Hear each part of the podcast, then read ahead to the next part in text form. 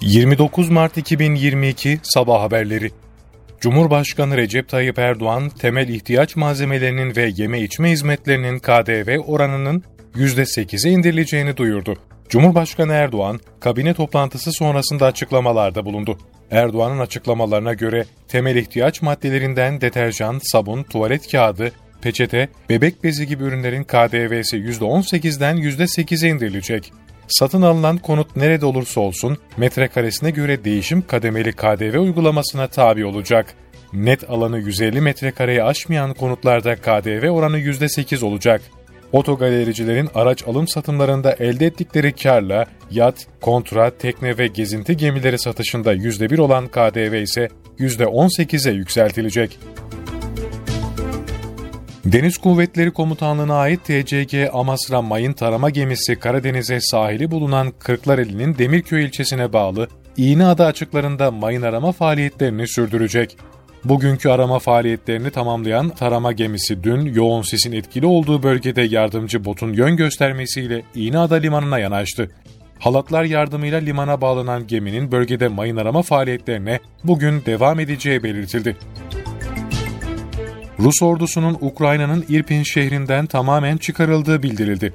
İrpin Belediye Başkanı Alexander Markushin yayınladığı video mesajında daha önce Rus ordusunun girdiği Kiev yakınlarındaki İprin şehrinden Rus birliklerinin tamamen çıkarıldığını söyledi. Markushin, Rus ordusunun kentten çıkarılmasından dolayı Ukrayna Silahlı Kuvvetlerine teşekkür etti. Rusya'nın Ukrayna'ya 24 Şubat'ta başlattığı savaşın ardından taraflar müzakereler için bugün 10.30'da İstanbul'da bir araya gelecek. Ukrayna heyetinin de akşam saatlerinde İstanbul'a gelmesi bekleniyor. Toplantının başlamasının ardından basın mensupları Dolmabahçe Çalışma Ofisi'nin önünde belirlenecek alanda yayın yapabilecek. Cumhurbaşkanı Recep Tayyip Erdoğan ve Rusya Devlet Başkanı Vladimir Putin yaptıkları telefon görüşmesinde Rusya ve Ukrayna müzakere heyetlerinin bir sonraki toplantısının İstanbul'da yapılması konusunda mutabık kalmıştı. Kremlin sözcüsü Dimitri Peskov, başkent Moskova'da gazetecilere yaptığı açıklamada Rusya'nın batılı ülkelere doğal gaz ticaretinde ödemeleri ruble ile alma kararına ilişkin değerlendirmelerde bulundu. Peskov, Avrupalı ülkelerin Rus gazı için ruble ile ödemeyi kabul etmemesi halinde Rusya'nın atacağı adımlar ilişkin gazı bedava vermeyeceğiz burası kesin mevcut durumumuzda hayırseverlik yapmak pek mümkün ve mantıklı değil değerlendirmesinde bulundu.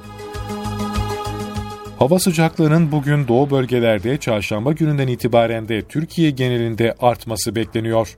Meteoroloji Genel Müdürlüğü'nden yapılan açıklamaya göre hava sıcaklığının yarın doğu bölgelerde çarşamba gününden itibaren de Türkiye genelinde artmaya başlayarak önümüzdeki hafta başına kadar hissedilir derecede 5 ila 10 derece yükseleceği ve mevsim normallerinin 6 ila 12 derece üzerine çıkacağı tahmin ediliyor. Türkiye'de 11.194 kişinin COVID-19 testi pozitif çıktı. 64 kişi hayatını kaybetti. Sağlık Bakanlığı'nın paylaştığı günlük koronavirüs tablosuna göre dün 251.242 COVID-19 testi yapıldı 11.194 kişinin testi pozitif çıktı, 64 kişi hayatını kaybetti. İyileşenlerin sayısı ise 15.402 olarak kayıtlara geçti.